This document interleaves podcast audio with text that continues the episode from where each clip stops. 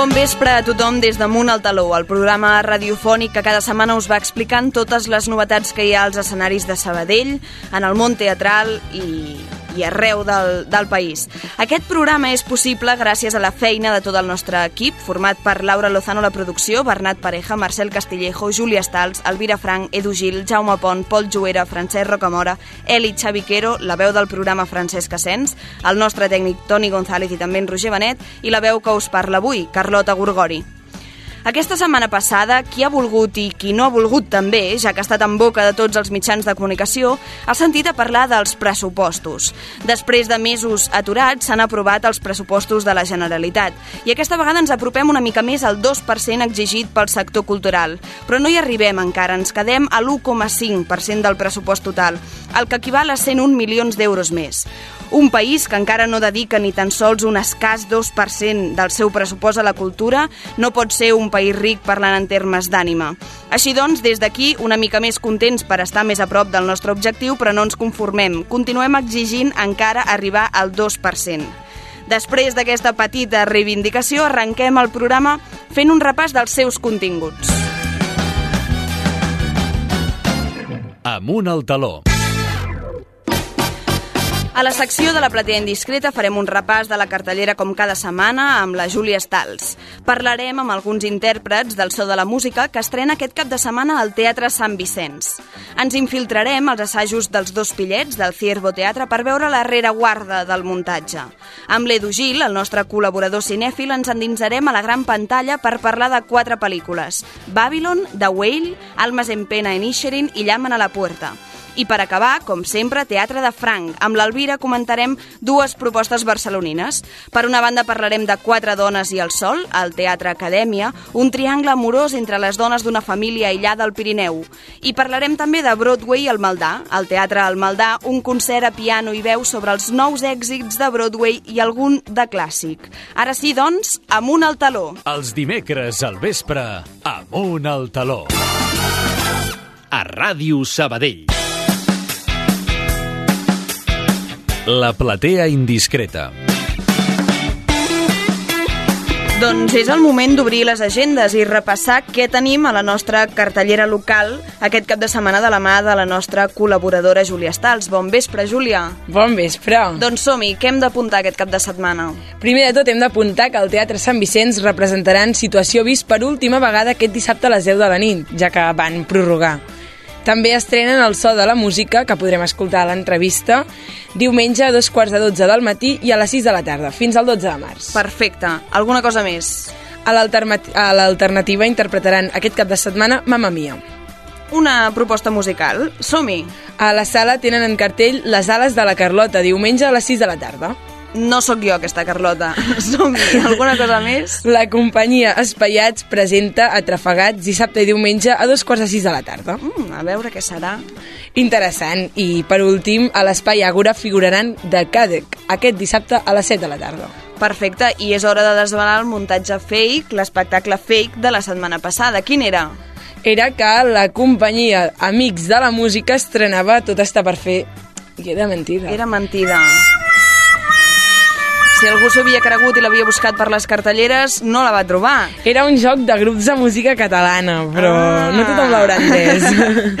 I on podem trobar tota aquesta informació, Júlia? Doncs, com sempre, recordem que es pot trobar gran part de l'oferta cultural de la ciutat a l'aplicació Sincronitzats, disponible a iOS i a, la, i a Android, i a la web de Sabell Cultura. Perfecte, doncs moltes gràcies, Júlia. Ens veiem la propera setmana amb més propostes eh, teatrals a la ciutat. Bona setmana. Igualment.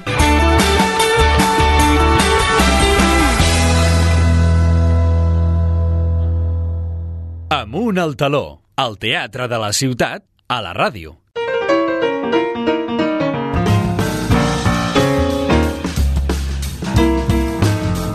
L'entrevista. Avui tenim a l'estudi a l'Anna López, l'Albert Auler i en Ricard Jiménez, intèrprets del so de la música que s'estrena aquest diumenge 12 de febrer al Teatre Sant Vicenç i estarà en cartellera un mes sencer, fins al 12 de març. Bon vespre a tots tres i primer de tot moltes gràcies per ser aquí amb nosaltres avui. A vosaltres. Bon vespre, Gràcies. Bon vespre. Començo fent-vos una pregunta eh, en general una mica. Sabem que el so de la música és un cant a la llibertat enmig d'un ambient militar una mica hostil, una mica dur. Creieu personalment que la música, l'art, en aquest cas és la música, és una sortida als ambients i a les situacions més dures? Sí, jo crec que sí, bueno, clarament la cultura en general no? i la música sobretot eh, és un cant sempre de llibertat i en aquest, aquest ambient que dius una mica així, una mica fosc, eh, sempre va bé no poder expressar-se una mica i, i alliberar-se de, de les, les coses més dolentes. La feu servir la música vosaltres en aquestes situacions? Sí, home, totalment. Jo crec que la música és una de les vies més efectives que tenim doncs, per expressar-nos en tots aquests àmbits o totes aquestes situacions desagradables o desfavorables on no ho pots fer de manera lliure, però en canvi a través de la música doncs, pots fer-ho d'una manera més camuflada i tot així alliberant-te. I a vegades només escoltant-la, no? A vegades Sí. tenim cançons per moments, no? Que de Moments cop i volta concrets. sents aquella nota i dius, Sí, sí. ara és el que necessitava. Us passa amb algunes cançons? Sí, sí, totalment. Sí. Sí, tenim Cançons una que llista. et relaxen, que et deixen pausat, que dius, bueno, aquest és el meu moment i d'aquí que no em mogui ningú. En aquest cas, com creieu que la música ajuda els personatges de la història? Aviam, per exemple, nosaltres, Albert, no? que potser som els nens i que som potser els més joves no? de, de, de l'obra, jo crec que és una manera sobretot d'aprendre perquè primer de tot ens, ens ensenyen a cantar, no? I, I les notes i tot, i és com d'aprendre que hi ha una altra via, a part de, de parlar i de, i de, no sé, de... Sí, una altra manera de comunicar totalment i a més doncs també jo crec que juga molt això amb la innocència dels nens de la família Trap, doncs que la música al cap i a la fi per ells és una distracció en, en aquest context hostil del que parlàvem i sí, sí, totalment és, és això que dius. Una... Per tant, podríem dir que l'obra, la música, és una manera de comunicar-se entre els personatges, que potser no existia aquesta comunicació a través de la paraula. Sobretot amb el, amb el capità, per exemple, eh, que no té cap comunicació amb els seus fills, només que ordres i amb un xiulet i de més, i arriba un moment en què quan comença a cantar amb la seva filla i aquell retrobament, no només amb ella en particular, sinó amb tota la resta de fills que té al voltant, i canvia una mica el tarannà d'ell a l'hora de, de, de tractar-los. Ja Canvia no el és igual. paradigma de la Sí, sí, família sí, sí. tot- per Totalment, complet, no? totalment. Hi ha un moment en Totalment. què para totalment a... És com que canvia el personatge, evoluciona de cop de 0 a 100 i és totalment un personatge diferent. Sí, sí. La història de la família Bontrap ens és familiar a la majoria de, de nosaltres, una història basada en una història real, però així tot sempre té un reclam del públic, sempre té una resposta exitosa, sempre hi ha un tornar-la a escoltar, aquesta història. Per què creieu que passa això? Al llarg de la història s'ha representat moltes vegades i sempre hi ha hagut una resposta del públic i qui repetirà segur que també. Què creieu que té aquesta història? Jo crec que ja de primeres, visualment és una història que crida molt, perquè ha veure set nens vestits de la mateixa manera, tots igualets, ben monos amb l'uniforme, un, un senyor amb el xiulet que els va cridant ja... O sigui, és atractiva la proposta per qualsevol edat. Jo crec que aquest és un, un aspecte molt important d'aquesta obra, que és que pot, qualsevol persona de qualsevol edat pot gaudir-la perquè té tracta un tema molt seriós, però ho fa de manera molt lúdica i molt dinàmica que pot agradar a tots els públics. Llavors jo crec que aquesta és la clau de l'èxit de l'obra. I jo també crec que vulguis o no, encara que sigui una obra molt antiga, vulguis o no la pots traspassar molts fake... O sigui, a, arreu, encara que passi el temps, sempre hi ha alguna cosa que t'oprimeix, no?, a, a expressar-te d'alguna manera i que per molt que siguin cançons molt antigues, eh, temes antics, vulguis o no, els pots traspassar a l'actualitat d'alguna manera o altra i que potser per això també té aquesta part com d'èxit, no?, de que vulguis o no la gent sent identificada sigui d'una manera o una altra, no? Clar, perquè a més a més, com deies, no? aquest, a- aquest pare, aquest, aquest, aquesta relació familiar molt militar, encara en aquell moment marcada també per la situació militar Exacte. del país, però continua algunes famílies encara aquesta militarització de la família, no? I de, i de, i de no? de, de, de les ordres, de la disciplina familiar, no? I a vegades això, com que és una cosa, com deia l'Anna, que passa al llarg del temps, és, és un reclam. I jo crec que la música, com comentàvem abans, doncs també és un dels, Dels reclams. dels, dels èxits de la història, Sí, no? sí, que sí. quan les Totalment. coses estan ben fetes perduren per al llarg, sempre. al llarg són del clàssics, temps. però al final són clàssics que, que duraran per sempre i es podran representar i fer-los milers de vegades. Li podes donar una volta d'una manera o d'una altra, però però continuarà, podran- continuaran sempre. continuaran omplint platers. Esperem que aquesta vegada aquí Sabadell Sí, també, sigui eh? igual. Estaria bé. igual. Perfecte. Parlàvem de la música com un element essencial de la història, però em sembla que l'amor en moltes formes també hi té un pes molt essencial i, i la Maria, un dels personatges principals, crec que tant amb l'amor com la música és ple d'amor i, i de música. Um, amb què creieu que el personatge es va guanyant un lloc en aquest ambient que al principi, com sabem, no li és gaire el benvingut? Què creieu que té aquest personatge que va no? captant aquesta energia? Jo crec que entra per, pel, pels fills. O sigui, això és, crec per mi que és lo principal. Uh, de seguida es fa amics de tots els fills, uh, per una cosa o per una altra, o sigui, la, la rebuda és dolenta, no? O sigui, ells ja van marcant el seu terreny i li diuen aquí has d'anar per aquí, si no vas per aquí, el meu pare... Però després, o sigui, una vegada se'ls va guanyant i de més, el pare, a part que es, suposo que es veurà at- atragut per ella eh, d'alguna manera, però encara diu, bueno, no és el meu estatus, eh, és una persona que ve de fora, no deixa de ser una institutriu, algú que no... Però de mica en mica, o sigui, també li crida aquella atenció, allò que és com lo desconegut, com... Desperta no sé. alguna cosa Sí, li desperta alguna cosa dintre que tenia ell- amagada, que tenia, perquè tots ho tenim, però que havia quedat, no? Que jo crec que també és, és, és la reflexió de els, els fills es veuen clarament que són les persones més oprimides en aquell moment Sí. per la família, però jo crec que el pare per darrere també deu tenir una opressió, no?, de, Bueno, ella ha, ha interna. patit, ella ha patit la mort de la seva dona i s'ha quedat sol per cuidar set fills i bueno, això pues, no ha de ser difícil, no ha de ser fàcil, perdó, ni, per, No, no, ningú, per ningú. per ningú. I la Maria també es cola en, aqu Exacte. en, aquesta, en aquesta trama. I els nens, què, els, què té la Maria pels nens? Jo crec que és, o sigui, el, la principal cosa que té la Maria per atreure d'aquesta manera als nens i doncs acabar creant aquest vincle és que és un personatge ple de llum i molt trencador en el seu dia a dia, perquè o sigui, la seva realitat és el que dèiem abans, el seu pare a tocs de xiulet comunicant-se a base de crits, que ho diu a l'obra tal qual, aquesta casa, eh, els crits és com, com... No li agraden els crits, però... O sigui, aquest to autoritari, sí, perquè ell és, cap i a la fi és, és un capità de vaixell, saps? O sigui, té també això com a estil de vida.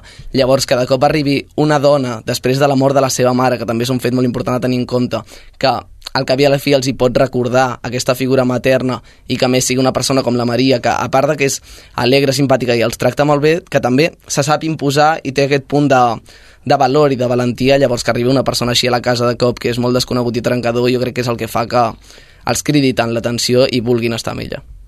Perfecte. Per tant, l'amor, la llum que desprèn i aquesta in cosa innovadora que tots teníeu amagats a dins no? i que ningú l'havia despertat i ella amb alguna cosa fa que cadascú ho vagi despertant.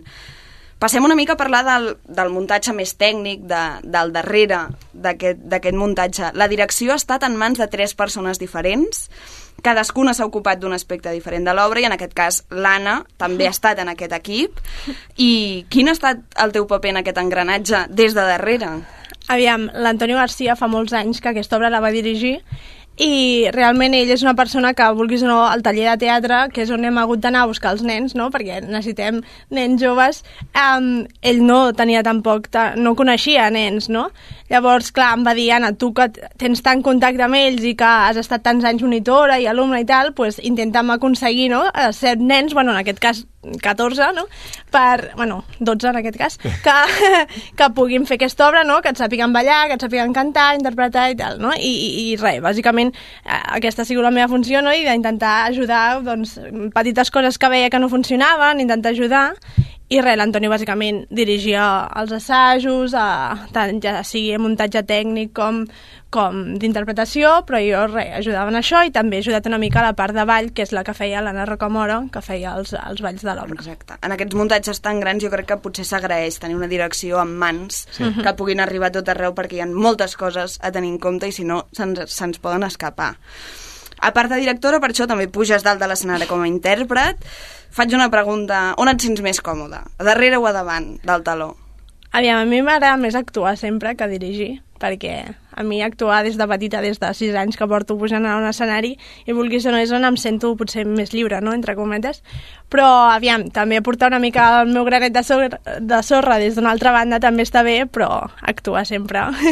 Per tant, aquest preferència. muntatge és l'equilibri excel·lent, no? Sí, Haver pogut aportar alguna una, cosa... Una coseta de cada. però tenir l'oportunitat de pujar a l'escenari. Albert, Ricard, a quins personatges interpreteu cadascun de vosaltres? Jo interpreto el Capitán Bontrap. Jo interpreto el Frederic, que en aquest cas és el segon fill més gran de la família. I alguna cosa a destacar de, dels vostres personatges? Què és allò que aporten el, el seu paper essencial a la història? A mi el que m'agrada molt del meu personatge, del Frederic, és que dins dels set fills, jo crec que ell, com que també és dels més grans i ja pues, pot pensar més i té més maduresa, doncs a vegades fa algunes, tira alguns comentaris, deixen alguna cosa que els més petits, com que són tan innocents, no ho farien, però ell ho fa una mica de malícia i ja, doncs, Amb una buscant mica una mica, la provocació, ja, sí. I és aquest que punt de que és un nen jugues amb la innocència dels nens, però ja és dels grans i per tant també pot jugar una mica més amb els comportaments, diguem-ne, més adolescents.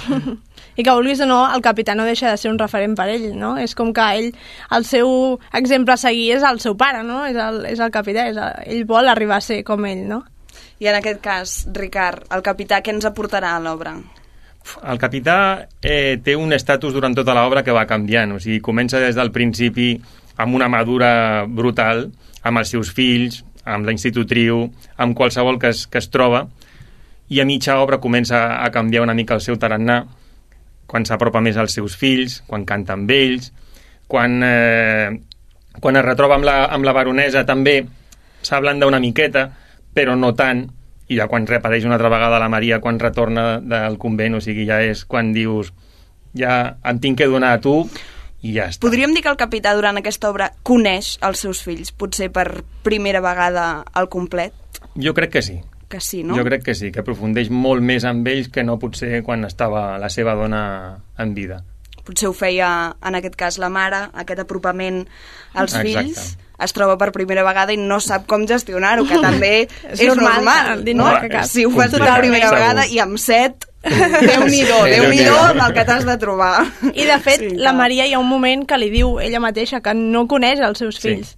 Que li diu una característica de cada nen i ell no se n'adona que realment té raó i que no en té ni idea de, de com són, no? I li reconeix, al final acaba reconeixent-li de que jo no conec els meus fills.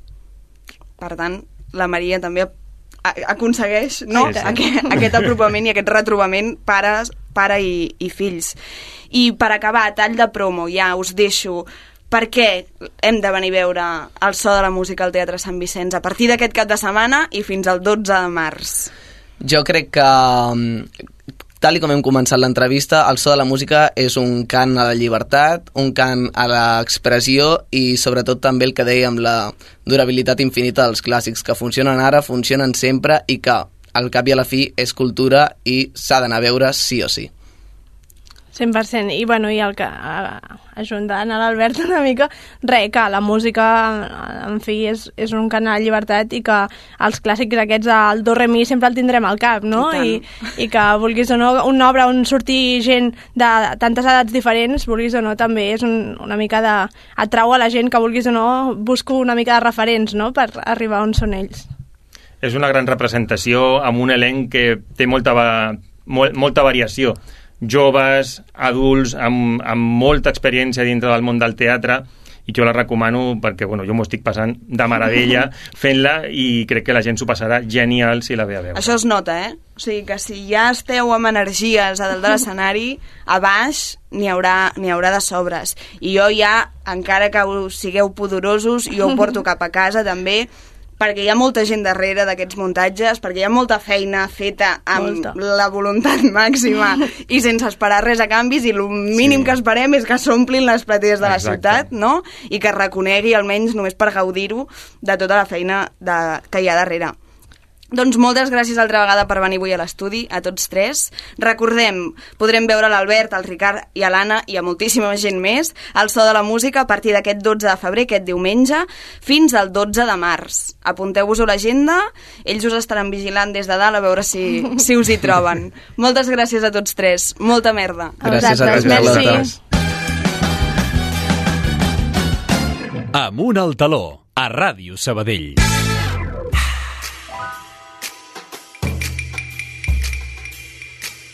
Infiltrats.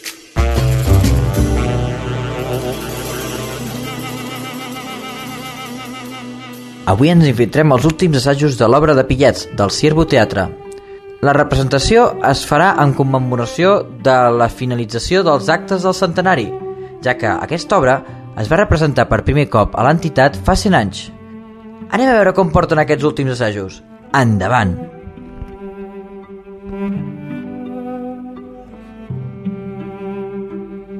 Estic aquí infiltrat als últims assajos de, dels pillets d'aquí del Circo Teatre i estic aquí amb la Laia i el, i el Quim, que són actors i actrius doncs, de l'obra. Uh, expliqueu una mica què feu en aquesta obra. Actuar. Gràcies, és que, és que m'estava mirant la Laia molt intensament i he pensat que és una tonteria, que la cara, la cara de la mare que et va parir que fa és boníssima.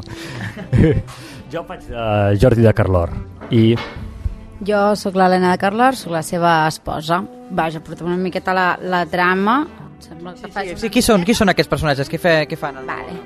Sí, són dos personatges també principals de l'obra i són els pares d'un dels pillets. Llavors, la- tota la història va en base a la història d'aquests pillets i buscar que es busquen la seva família i això, no? I heu tingut algun repte amb aquest personatge a l'hora de fer-lo? Home, sí, sí. Uh, tots aquí en aquesta obra hem tingut un... Hem tingut, o gairebé tots, o almenys, almenys la Laia i jo, perquè ho hem parlat, hem tingut repte més que res perquè, bé, el text és un text uh, que no és fàcil, uh, no afavoreix el fer-se, és un text... Tothom ho sap, estem fent aquesta obra perquè és l'obra que es va fer fa 100 anys, la primera que es va fer el Cirbo, i l'objectiu és fer aquesta recuperació històrica per al valor que té i poder-ho fer, a més, quan fa 100 anys tornar a fer aquesta primera obra. Aleshores es va agafar aquí, però tu quan l'agafes i la comences a llegir veus que és un text que no hauries triat, si et cau a les mans i dius, ai, sí, anem a fer els dos pillets. No perquè no, no estigui bé, però per, amb els estàndards d'avui en dia és una obra que costa d'entrar quan- a primeres lectures. Aleshores, ara funciona, no estic dient que no se'ns espanti ningú, funciona l'obra, però clar, abans en el, que avui en dia es pugui entendre no només el text, perquè hem acomodat el text, però tampoc deixant de veure que, clar, està ambientada en un temps, llavors no podíem actualitzar el text completament, tampoc. Llavors s'havia d'entendre s'havia d'entendre el context històric en què estava posada, perquè ara mateix tampoc no tindria massa sentit no, el que passava llavors, però que també fos això, que, que àgil l'obra. Què veu pensar al primer moment quan us van proposar de participar en aquesta obra? Eh, em va fer il·lusió. La Marina ens va proposar aquesta obra i em va comentar que era l'obra pel centenari i que era la primera que s'havia representat en el Ciervo i la veritat és que em va fer molta il·lusió poder participar en, en aquesta obra, sobretot per, per això, no? perquè memoritzàvem el centenari del Ciervo. I per altra banda també vaig, va comentar que el repartiment era un repartiment que ja havíem actuat amb companys que ja havien fet altres obres i, i saps que tu passes bé, tu passaràs bé i això també és molt important a l'hora de, de venir i escollir. Són moltes hores d'assajos i per tant saber que estaràs en bona companyia s'agraeix sempre. Doncs, com, com deia la, la Laia, pri- primer de tot, il·lusió. L'expressió de la il·lusió. Ostres, que guai aquest projecte, que fa molta il·lusió que sigui pel centenari que hagin comptat a, a, amunt, no? I després, com que som la, la majoria de gent amb la que estem a l'escenari, eh, hem compartit una combinació o altra, aquí al Cirbo en altres companyies, hem fet teatre plegats i, i està molt bé. Més part, també, I també gent nova. Hi ha gent nova amb la que m'ha agradat, a mi personalment m'ha agradat molt perquè eh, sempre és guai això d'estar a l'escenari i dir, ai, amb tu ens entenem, surten coses divertides, els assajos evolucionen i m'ha passat amb diverses persones en aquesta obra amb qui no havia fet mai teatre i ha estat, la veritat és que ha estat tot el projecte molt engrescador. Un cop vam trobar-li aquest truc, allò, aquest, aquest, ostres, és com la fem, com defensem aquests personatges, que, que no ho sé. A mi jo ara feia molt temps que no feia un personatge que, em- que, que, que, que jo pensés que és, és un idiota, aquest home és un idiota per l'amor de Déu, bueno, deixarem en això, no passa res, però, i, i era, però de més, la, però, però és com també un, una mena d'heroi en el fons, dintre del context de l'obra, l'obra no, i ostres, em costava molt. Parlant d'assajos, com esteu portant aquests últims assajos abans de l'estrena? Mira, realment millor del que em pensava. Molt millor del que em pensava. Pensava que arribàvem molt més justos a l'estrena i estic veient que no, que la portem, la portem bé. Sí, ha, ha arrencat a l'última setmana i mitja, podríem dir, de, va ser... Sí, però allò que, jo no, es- pa, sí, pensava que faríem molt el mateix, que estem, es- està, està sent com molt clar que està passant en aquesta obra i també tots, perquè tots fem com que això, ostres, va, no, la, la lluitarem, bé la farem i tal, i que al final arrencarà i tal, i a la que vam començar a passar blocs de primera part, segona part seguits, ella sola va fer fus. És com, ostres, però encara queden tres setmanes per assajar i, i flueix, flueix molt bé. I, ostres, contentíssims. I ja per acabar, què els diríeu als nostres oients perquè vinguin a veure aquesta obra? Ah, que s'animin, que poder saber que és la primera obra que es va representar al Ciervo també ha d'animar, que tinguin clar que això, que, que està en un context que no és l'actual, però crec que està molt ben acabada. Vinguin, sempre podreu dir, mira, jo vaig estar... Quan, quan els que estiguin vius per al segon centenari podran dir, jo vaig anar a veure el primer centenari. A veure, a veure, a veure, la medicina avança que és un fa fredat, això. D'aquí res, el normal seran els 200. Por ahí. No, està! I un bebè dintre una panxa? No, potser vindrà algú i no, la consciència, part de la meva consciència artificial de fa cent i pico i tal, no sé què, vaig pujat al núvol. Havia vist aquesta obra. I podrà venir pel segon aniversari, pel segon centenari. Doncs bé, doncs ara estic aquí amb el Toni, que també és actor dels Pillets. Tu feia temps, no?, que no actuaves aquí al, al Ciervo. Què ha sigut per tu tornar a actuar-hi? Bé, doncs ha sigut emocions, retrobaments amb abans, de feia molts anys. I què, què t'ha semblat l'o- l'obra? O sigui, com, què t'està semblant l'obra? Bueno, l'obra és una miqueta... No és fora d'aquesta època total, la gent que saber que és un, una obra de fot més de 100 anys i a partir d'aquí es té que posar en el, en el lloc de, de quan va ser escrita. Explica'ns una mica, qui és el teu personatge? Bueno, diguem que és el dolent, l'espavilat, el lladre principal. Diguem, el més dolent de tots.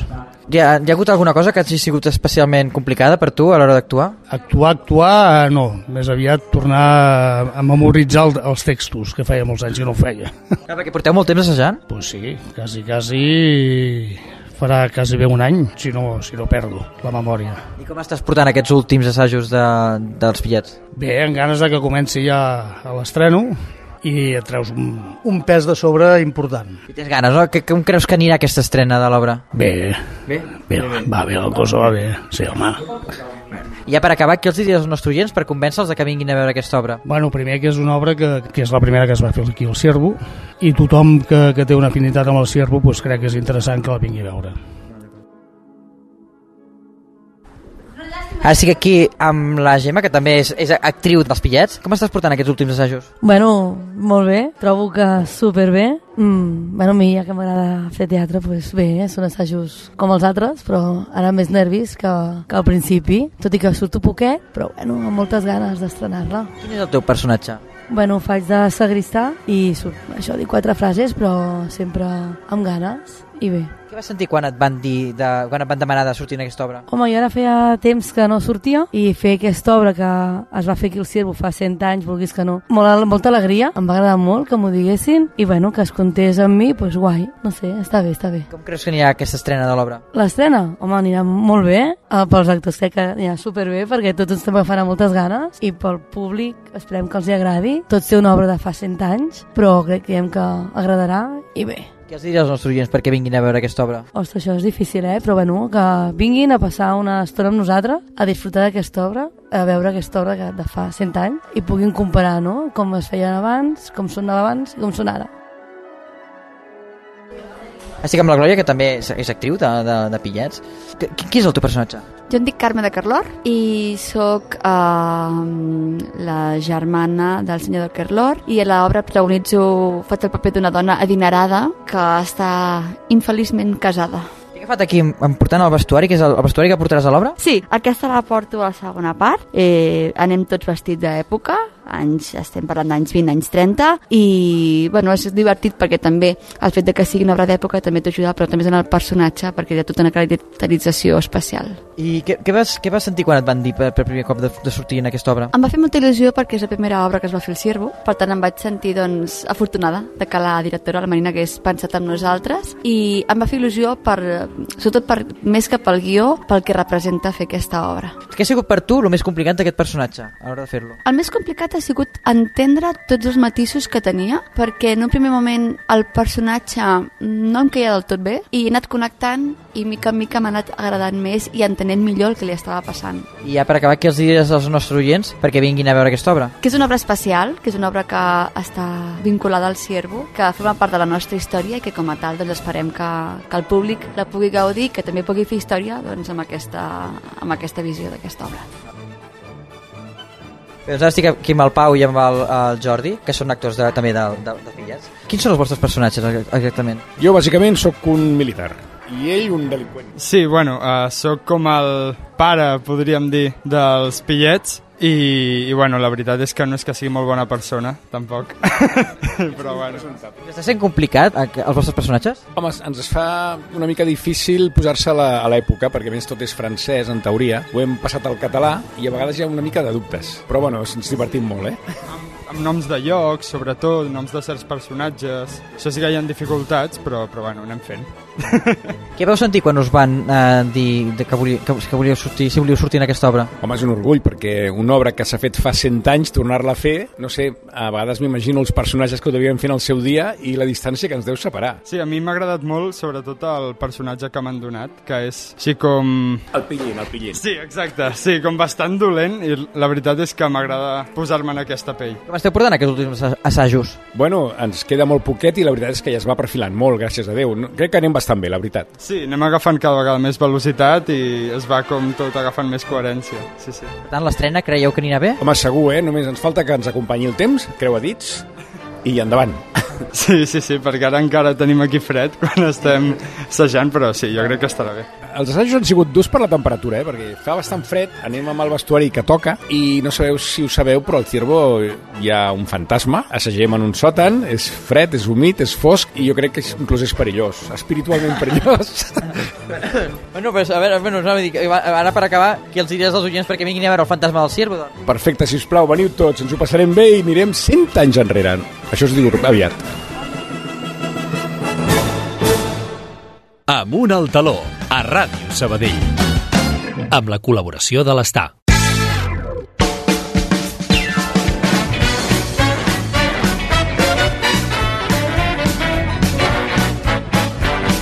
La gran pantalla.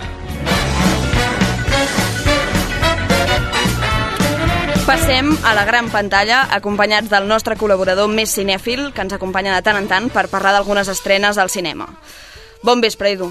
Bon vespre, Carlota. Un plaer tornar a coincidir un dia més a l'estudi. Oh, tant tant, jo, jo encantat de, de que em convideu i d'estar aquí. Perfecte, doncs avui parlarem i puntuarem, com sabeu, quatre pel·lícules, Babylon, The Whale, Almas en pena i Llaman a la puerta. I començarem per... Babylon. Babylon. Babylon és una pel·lícula de comèdia i drama de l'època èpica escrita i dirigida per Damien Chazelle. Està ambientat als anys 20, durant la transició de Hollywood del cinema mut al cinema sonor. Podem escoltar un tros del tràiler.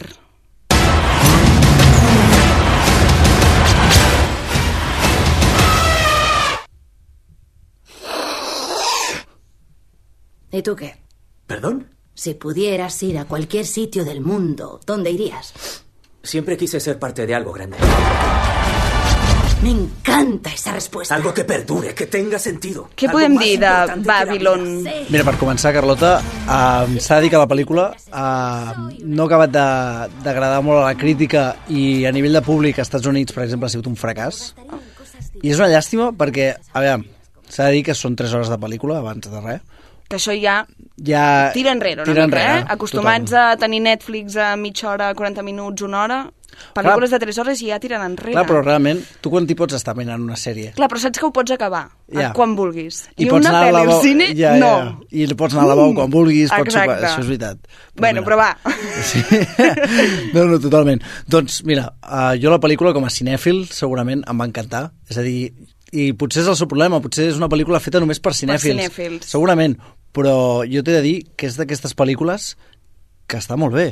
És a dir, per mi és un 7, claríssimament, ja m'estic avançant a la nota. Cap problema. Ja ho tenim. Però, evidentment, el, el problema és això, que la duració i que a vegades és excessiva. Però, clar, et mostra um, el cinema aquells, um, aquells anys 20 amb un ritme tan desenfrenat, de manera tan no sé, tan xula que voldries estar en aquella època, de, de fet, que, ostres, a mi, a mi em va enamorar Hi ha seqüències meravelloses, Bueno, clar, és que pel personatges... cinema, els grans anys 20 del cinema, déu nhi també, no? Aquest ritme de... Clar, és a dir, el que intenta fer la pel·lícula és um, mostrar-te aquells anys al cine mut uh, com feien grans produccions, sobretot amb grans actors, però clar, a, a la seva manera, és a dir, i això no ho feien perquè estem acostumats a veure pel·lícules com molt minimalistes i tal, però també hi havia grans produccions i t'ho mostra una mica i clar, després sobretot la transició al sonor que això ja ho, ja ho feia molt bé Cantando bajo la lluvia i aquí també t'ho fa amb un cert homenatge i, i també es explica la típica història de- d'accessos, de, de, de drogues, bueno, de, de pujada i del que ha baixada. marcat Exacte. Hollywood també al llarg de Totalment. la història, ara, als anys 20, i, I, i, clar, i em sembla que el futur. Però també és una crítica i en canvi també és, um, té el punt aquest nostàlgic amb un missatge bastant maco sobre el cinema i jo crec que val la pena. És una pel·lícula que, tot i ser excessiva i que el director lo millor mm, s'ha passat en algunes coses, jo trobo que és una gran, una gran pel·lícula. Com t'avançaves, ja tenim la puntuació de Babylon, un 7. Un set, Hem començat totalment. alts, Sí, a sí, veure com eh? anem. doncs la segona pel·lícula de la que parlarem és The Whale, la, la ballena, la traducció al castellà, amb direcció de Darren Aronofsky. Arriba The Whale, la, bale, la ballena, un drama psicològic en el que un solitari professor d'anglès amb obesitat severa intenta reconnectar amb la seva filla adolescent en una última oportunitat de rendició. Escoltem-ne un fragment. Eres una persona maravillosa, Ellie. No podría soñar con una hija mejor que tú. ¿Qué? ¿Ahora vas a hacer de padre? ¿Quién iba a querer que yo formara parte de su vida? Què No podem dir de, de Whale, en aquest cas? Doncs, mira, jo tinc un problema amb aquesta pel·lícula, Carlota, és que mm, noto molt que m'intenten fer plorar, i a mi això no m'agrada. Jo quan noto això ja em treu, saps? Sobretot doncs, ho noto forçat en algunes seqüències, i trobo que es podria haver fet d'una altra manera, tot i que la pel·lícula um, s'aguanta molt bé i, i no acaba de ser fallida per l'actor, sobretot. I també és una llàstima que si, si veieu la pel·lícula, uh, clar, evidentment l'actor no té aquest sobrepès i s'utilitza massa en excés per mi a l'ús d'ordinador. I sí que hi ha maquillatge i ho controlen, però l'ordinador algunes, en algunes seqüències es nota massa i a mi, a mi per exemple, em treia eh, en algun moment. Però uh, jo trobo que val la pena per ell, sobretot, per la història, i una mica també el missatge de, del tema aquest de la soledat, um, que també ens ha afectat una mica després d'això de la pandèmia. Jo trobo que és una pel·lícula que està bé fer-la ara, perquè parla d'això i, clar, una mica parla del sobrepès i, i tot. Però jo trobo que estava bé, però és una llàstima això, el, el, el tema aquest de, de fer-te plorar així, una mica a, a lo Bayona, saps? Sí. Pel que sentíem en el trosset de, que hem sentit del tràiler, no, sembla ser que arriba tard aquesta reconciliació entre pare i filla, Correcte. no? I, I pel que he anat llegint, que no he tingut encara l'oportunitat de veure-la, una mica amb un sentit egoista per part d'ell, per quedar-se tranquil. Exacte, és una mica això. Si vols, res, faig, faig un resum. Clar, ell, ell, ell va estar casat, va tenir una filla i amb 8 anys doncs, doncs la va abandonar perquè va sortir de l'armari, ell era homosexual i, va, ser- i se'n va anar amb una parella. I ara després que um, després d'una depressió um, per culpa de la, de la parella, doncs va entrar amb obesitat bastant, bastant gran i ara en aquest punt que, que ja li queda poc, doncs decideix retrobar-se amb la filla. És una mica... El director ja havia fet una pel·lícula bastant semblant, d'aquestes de redempció, que la pel·lícula es deia del 2008, es deia Luchador. I per mi estava molt millor que ella, era molt Que més aquesta. rodona. Sí, sincerament. Que Però, aquesta. però els dos estaven perfectes, eh, els actors. Però pel que dius, i com deia, s'aguanta per Brendan uh, Fraser, nominat, ho sabem recentment, a, a l'Oscar, mereixedor de l'Oscar. Jo per mi sí, jo Sí? després d'haver vist aquesta i Elvis, per mi sí. Però, clar, hi ha un element fonamental, és que és, uh, ha retornat a carinyo aquest actor i, i això a la gent li ha agradat perquè, clar, durant els anys 90, els 2000, era un actor molt conegut, molt, molt estimat. Molt recurrent. Molt recurrent, amb, gràcies a la saga de la mòmia. Uh-huh. I clar, ha estat amb uns anys de decadència que segons ell l'ha justificat per un tema d'una agressió sexual que va, que va patir fa, fa uns anys i que no ha acabat de superar. I esperem que, que que sigui, que sigui la que, palanca també perquè torni. Bueno, ara, ara ja ha fet un parell de, de pel·lícules, la, la nova d'Escorsese surt, vull dir, a veure, Per tant, pin- ja pinta el bé. tornem a tenir. Pinta bé, Puntuació de, de Whale, Posem-li un 6 per Brendan Bueno, Fraser. Vale, déu-n'hi-do, déu nhi déu aquesta vegada. I passem a Almas en Pena, en Ischeren, ambientada en una illa remota davant la costa oest d'Irlanda. Martin McDonagh, Almas en Pena, explica la història de dos amics de tota la vida els quals es troben en un carreró sense sortida quan un dels dos posa fi a l'amistat d'una manera abrupta. Escoltem-ho. ¿No te gustaría que se cortase uno a ver si solo iba de farol? No, para nada. En el peor de los casos seguro que podría tocar el violín con cuatro dedos. Vuelve con los tuyos, Parik. ¿Hablas conmigo? ¿Es así? ¿Por qué no hablas con Parik Sullivan últimamente? Què ens en dius d'Almes en pena? A veure, jo he de dir que em va agradar, és a dir, trobo que um, és una pel·lícula... Um, és una comèdia negra, bastant um, que toca temes així una mica dramàtics, i t'he de dir que em va deixar una sensació una mica estranya, perquè és la típica pel·lícula que per un espectador que no hi entri li pot semblar estranya. Però un cop entres, molt bé, molt bé, molt bé, sobretot els actors i, i jo recomano en versió original la pel·lícula perquè veus, notes els accents um, les expressions molt millor que no passa amb, amb doblatge en aquest cas, amb la majoria també però en aquest i, i és que és això, um, nou nominacions als Oscars té la pel·lícula També, déu nhi déu nhi és una de les preferides que podria sonar uh, aquest any als Oscars no sé si guanyarà um, i no, i, i, i els dos estan molt bé la veritat, i clar, és que té moments la pel·lícula que et deixa mm, amb mal cos, eh? que et deixa amb, amb el... Amb el nus a la gola. Sí, llavors per això és una sensació estranya, perquè per un moment estàs rient, i al cop i et deixa amb aquest mal cos, i al final acabes com... Ui. Sí, no, no que acabi de manera abrupta, però dius... Ostres, que bé, però m'ha deixat... Amb un cos estrany. Sí, totalment. Jo crec que és això, és la sensació que em dona, però crec que val la pena. Bueno, segurament també devia ser la intenció Exacte. de, de, de la pel·lícula. I a més, eh, i a sobre també parla d'un tema interessant, jo trobo, que és una mica la, la quotidianitat um, que acaba sent com avorrida. I en una societat com Irlanda, que ells mateixos ja es descriuen que són una mica avorrits, doncs trobo que el tema està bé. Per tant, aprovada, Sí, jo per mi, jo li ficaria el 7. molt bé. Està bé, està bé. Anem a veure què passa amb l'última. Sí, amb l'última... Anem a veure, l'última pel·lícula de la que parlarem és Llaman a la puerta. Durant unes vacances en una cabanya, en un bosc, allunyada de tot, una nena i els seus pares es converteixen en hostatges de quatre desconeguts armats que obliguen a la família a prendre una decisió impossible per evitar l'apocalipsi. Aquesta és la sinopsi del thriller dirigit per Shyamalan. Escoltem el tràiler. ¿Qué te hemos dicho? Que no deberías inventarte cosas cuando... ¿Podéis abrirnos, por favor? ¡Van a entrar! Tranquila, cariño.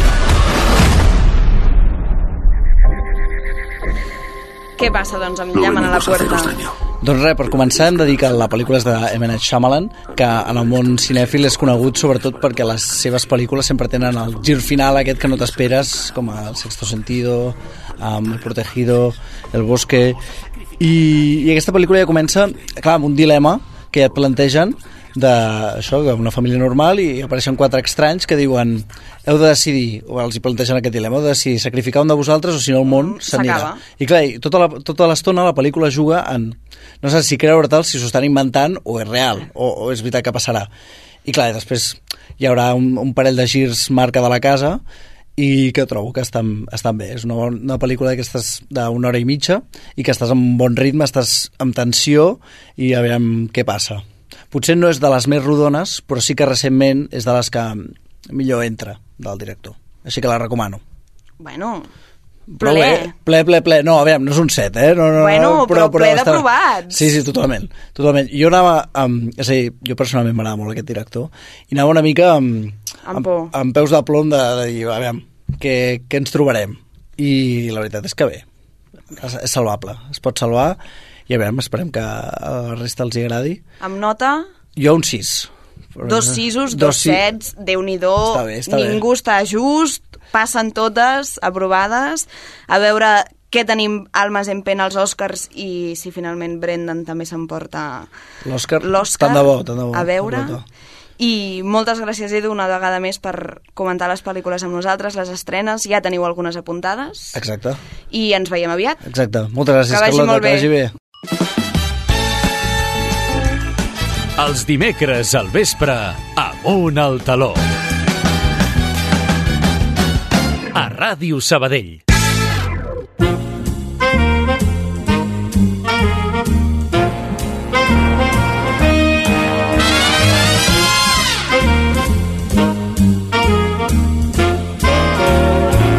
Teatre de Franc. Ens acostem al final del programa, però abans de marxar hem de parlar amb la nostra espectadora teatral de confiança i col·laborador, col·laboradora del programa, Elvira Frank, sobre algunes propostes teatrals barcelonines. Avui parlarem de Quatre dones i el sol, al Teatre Acadèmia. Sota la direcció de Roger Casamajor dirigeix un espectacle situat al Pirineu, basat sí. en un triangle amorós que pel que sembla no és la primera vegada que apareix. I també parlarem de Broadway al Maldà, on Joan Vázquez desgrana alguns dels nous èxits de Broadway i algun dels clàssics, reunint a diferents compositors i compositores. Exacte. Doncs Hola. som-hi. Bona tarda, eh? Bon vespre, bon vespre, Vera. Bon vespre. Per I quin va- comencem? Mira, comencem per Quatre dones i el sol. Perfecte. Que, cal, com has dit tu, doncs eh, és en direcció de Roger Casamajor, la primera direcció que fa aquest actor. Exacte. I eh, és un text de Jordi Pere Cerdà, un autor especialitzat en temes i activitats de la Catalunya Nord. Com has dit, el Teatre Acadèmia, en producció d'Escena Nacional d'Andorra. L'actor de la Seu d'Urgell, que coneixem per moltes intervencions al cinema, televisió i al teatre, com he dit, ha dirigit per primera vegada i ho ha fet amb aquesta obra que passa a un poble aïllat del Pirineu. Ell ho ha fet com a homenatge a la seva mare i a la seva àvia. Dones fortes que han de lluitar durament per tirar endavant una casa en un paisatge cru on viuen, molt cru. Eh? L'argument es basa, tal com diu el títol, en quatre dones, mare, cunyada, jove i filla. Dues generacions i pràcticament el mateix problema entre elles, la rivalitat amorosa. El sol, com diu el títol, el sol és l'esperança que elles tenen en canviar el paisatge de la seva vida. Viuen entre muntanyes, fred i neu. I la vida també d'elles és freda i solitària. Ambientada als finals dels anys 30, eh? en plena guerra civil, sí. diguéssim. Eh? És per això que els homes... Oi? No hi són. No hi són. Els homes estan a la guerra o presoners. Exacte. És així. Ah, Llavors, l'arribada d'un mosso crearà aquesta rivalitat, rivalitat entre elles. Abans, també joves, entre la mare i la cunyada. Una història que es repeteix després, quan elles ja són grans, amb les dues noies joves, la filla, com he dit, i la jove. El mateix, el mateix argument. Eh? Vaig tenir la sort de poder assistir a la representació de l'estrena. Abans de començar, l'actor i director Casamajor va dirigir unes paraules als espectadors per recordar a la persona que, segons va dir, el va fer créixer en el món de l'espectacle, l'Agustí Vilallonga, recentment desaparegut. Emocionat, però també eufòric, el director es va incorporar al públic com un espectador més i reia i aplaudia com, com tots nosaltres, gaudint de l'espectacle i de les Clar, quatre... per primera vegada veia El primer- també, no?, la rebuda del públic i com es vivia Exacte. la posada en escena Sí. real I com veia les muntatge. actrius, com reaccionaven um, això, davant del públic.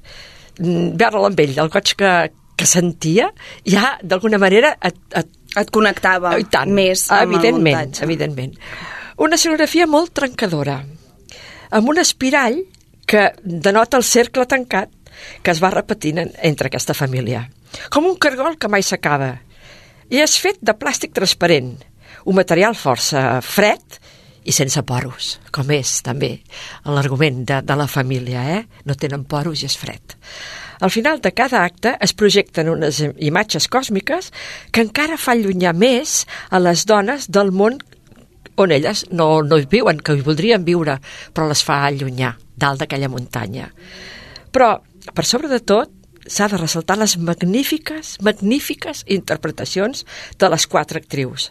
Les joves Núria Montes i Jessica Casal i les conegudes Irina Robles i Anabel Castan. Aquesta última regalant una interpretació magistral. Un goig veure-la. És una de les actrius que a mi sempre m'ha agradat, però és que aquí fa un Encara lluïment... més. Sí, un lluïment del seu temperament fa la mare, que, que ho vol dominar tot, perquè com que no hi ha homes, eh, ella... Bueno, moltes dones es devien trobar en aquest moment, no? Evident, Eh, sí. Portant les, les rendes que no havien portat segurament fins aleshores, quan es van veure obligades A- a- a tirar endavant. a fer-ho, i suposo amb una pressió que moltes no devien acabar de poder gestionar. Sí, ella s'imposa eh, i ho ha de tirar endavant. Eh, Tant amb la filla, la jove, i la cunyada, que sempre han tingut aquesta rivalitat. Eh? Molt interessant el tema també, eh? Sembla un tema amorós, però hi ha molt de fons. Sí, i a més a més a vegades és una rivalitat gairebé imposada, que sembla que ens haguem de, de barallar entre nosaltres. Això mateix. Per, pels homes. Sí. No? Vull dir que és una cosa que es repeteix que es va a la història i sembla que no hi hagi sortida en sí, això. Sí, sí, sí, sembla que ens, eh, això, que ens haguem de barallar per un home. Sí. D'aquesta, no? Aquesta lluita, no? Per amor, principalment, eh? Com sempre, el Teatre Acadèmia sorprèn per les seves propostes innovadores i d'una grandíssima qualitat, tant sigui argumental o d'interpretació o direcció. I en aquest cas no és pas l'excepció. És molt bona la posada en escena, les interpretacions i l'argument i la direcció, que per ser la primera vegada que dirigeix en Casa Major, mm, jo he trobat plena de detalls, plena de simbolismes, que... Ahir sentia, parlant sobre els actors que dirigeixen, sí? sentia que ara properament s'estrenarà el llibre Tots eren fills meus, sí, dirigida David pel David Selves, Selves, sí. que l'Emma Vilarassau comentava que hi ha una cosa que tenen els actors quan dirigeixen que no aconsegueixen Segons els directors director. que no han sigut actors, no? Sí. I segurament en aquest cas també es pot arribar a interpretar i les actrius segurament, si els hi preguntéssim, Sí. ho tindrien, no? La manera de comunicar els detalls que busques, que Aquest- ja saps i, sí. i tens l'empatia de com s'estan trobant les actrius de dalt Aquesta de l'escenari. sensibilitat que tenen Exacte. els actors, Els actors- quan ells han actuat, que saben després transmetre-ho quan dirigeixen. Quan dirigeixen. Sí. I això és interessant. Sí. És, interessant. És una obra que la podreu veure fins al 19 de febrer, jo se l'aconsello. Perfecte, apuntada. Apuntada. Passem a Broadway al Maldà. Broadway al Maldà, que una vegada més han pogut gaudir de la veu i la presència de Joan Vázquez. Tal com diu el títol, a l'espai íntim i acollidor del Medal, del Maldà, que és aquesta sala que sembla un menjador d'una casa antiga, amb les parets plenes de quadres i un terra que recorda un escàquer, amb rajoles blanques i negres, però que les partides que s'hi juguen en aquest lloc són encertadament teatrals i musicals. Joan Vázquez és conegut per les seves intervencions a diversos musicals, alguns, alguns de gran format, com Hair, Mamma Mia, Ren o My Fair Lady, i d'altres en solitari, com Ciutat de Gespa, que també la va fer en el Maldà, 20 anys no són na, o Ocanya, reina de les Rambles, espectacle que el va fer mereixedor del Premi de la Crítica 2019 com a millor musical i millor intèrpret. També el recordem en Paquito Forever, que era tret d'un personatge de Flor de nit, de, de Goll de Gom. Ell va rescatar aquest personatge i va explicar la, la història d'aquest senyor, eh? que algunes vegades n'hem parlat amb a l'emissora. En aquest espectacle també va guanyar el guardó al millor interpretació masculina als Premis de Teatre Musical del 2018. O sigui que és, és una gran figura, en Joan Vázquez, eh? En aquesta ocasió, el músic ens transporta als musicals de Broadway, tal com diu el títol. La meravellosa veu de Joan Vázquez sona clara, immaculada i personal. Ell sol i el seu piano, que és el que ell que el toca també, eh? omplen el petit espai amb música dels musicals que s'han representat a Nova York. Entre cançó i cançó va explicant petites anècdotes i els processos de creació de compositor i lletristes, o com es relacionaven, o històries d'amor i desamor entre les figures més conegudes del món dels musicals. També detalla la importància de la dona, com a compositora d'aquest gènere i que moltes vegades queda oblidada, no se'n parla. No, recordem grans noms, però de, però dona, de dones no. Doncs ell va traient noms de dones, de musicals coneguts, i, i sobte, perquè és això que dius, no, no se'n parla. Eh? I també la dona tenim aquesta sensibilitat musical, sí, que, sabem, que també ho sabem portar. Eh? Sí. uh, vaig tenir la sort de seure a la primera fila, un lloc molt, molt ideal, eh? perquè just veia com l'artista tocava el piano. El piano està mig inclinat. Si toca a l'altra banda, el veus d'ell, de la cara, però li veus Però no les veus mans. piano. I en canvi jo li veia les mans i, i, i mig de perfil. Com les seves mans semblava que acariciessin les tecles i la seva veu s'alçava per sobre de tot. Vaig veure com seguia les partitures i com algunes vegades tocava les cançons de memòria, sense seguir. Apuntat també la bona il·luminació ideada pel sabadellenc Jordi Berg, que acaba de redonir l'espectacle. Una il·luminació molt ben trobada, depèn de la música que en aquell moment està interpretant, es fa més fosc, està més clar, il·lumina la cara, il·lumina el piano, molt ben treballada. He de dir que no sóc gaire entesa en els musicals, la veritat. Eh? No sóc de les que vagi a veure molts musicals.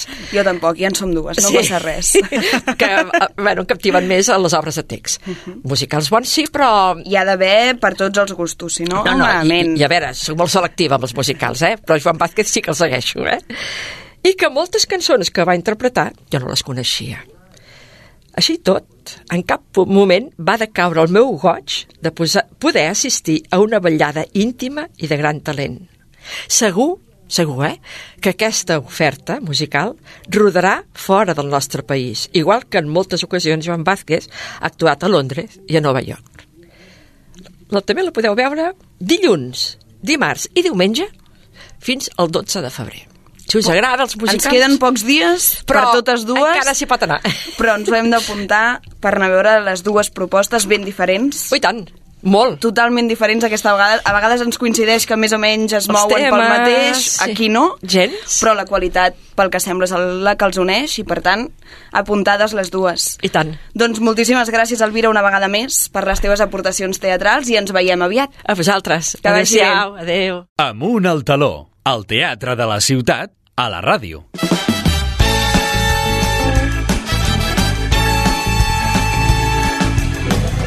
Aquí finalitzem l'Amunt al Taló d'avui. Us recordem que podeu recuperar tots els nostres programes a Spotify, només cal que busqueu Amunt al Taló al cercador i hi trobareu els nostres podcasts, i rescateu també aquest programa i tots els altres al web de Ràdio Sabadell. No us perdeu les novetats a les nostres xarxes socials, a Instagram, arroba amuntaltaló.està i també a Facebook. Tornem la setmana vinent per seguir parlant de teatre local i de tot allò que passa als nostres escenaris. Gràcies una setmana més per escoltar-nos. Amunt al taló.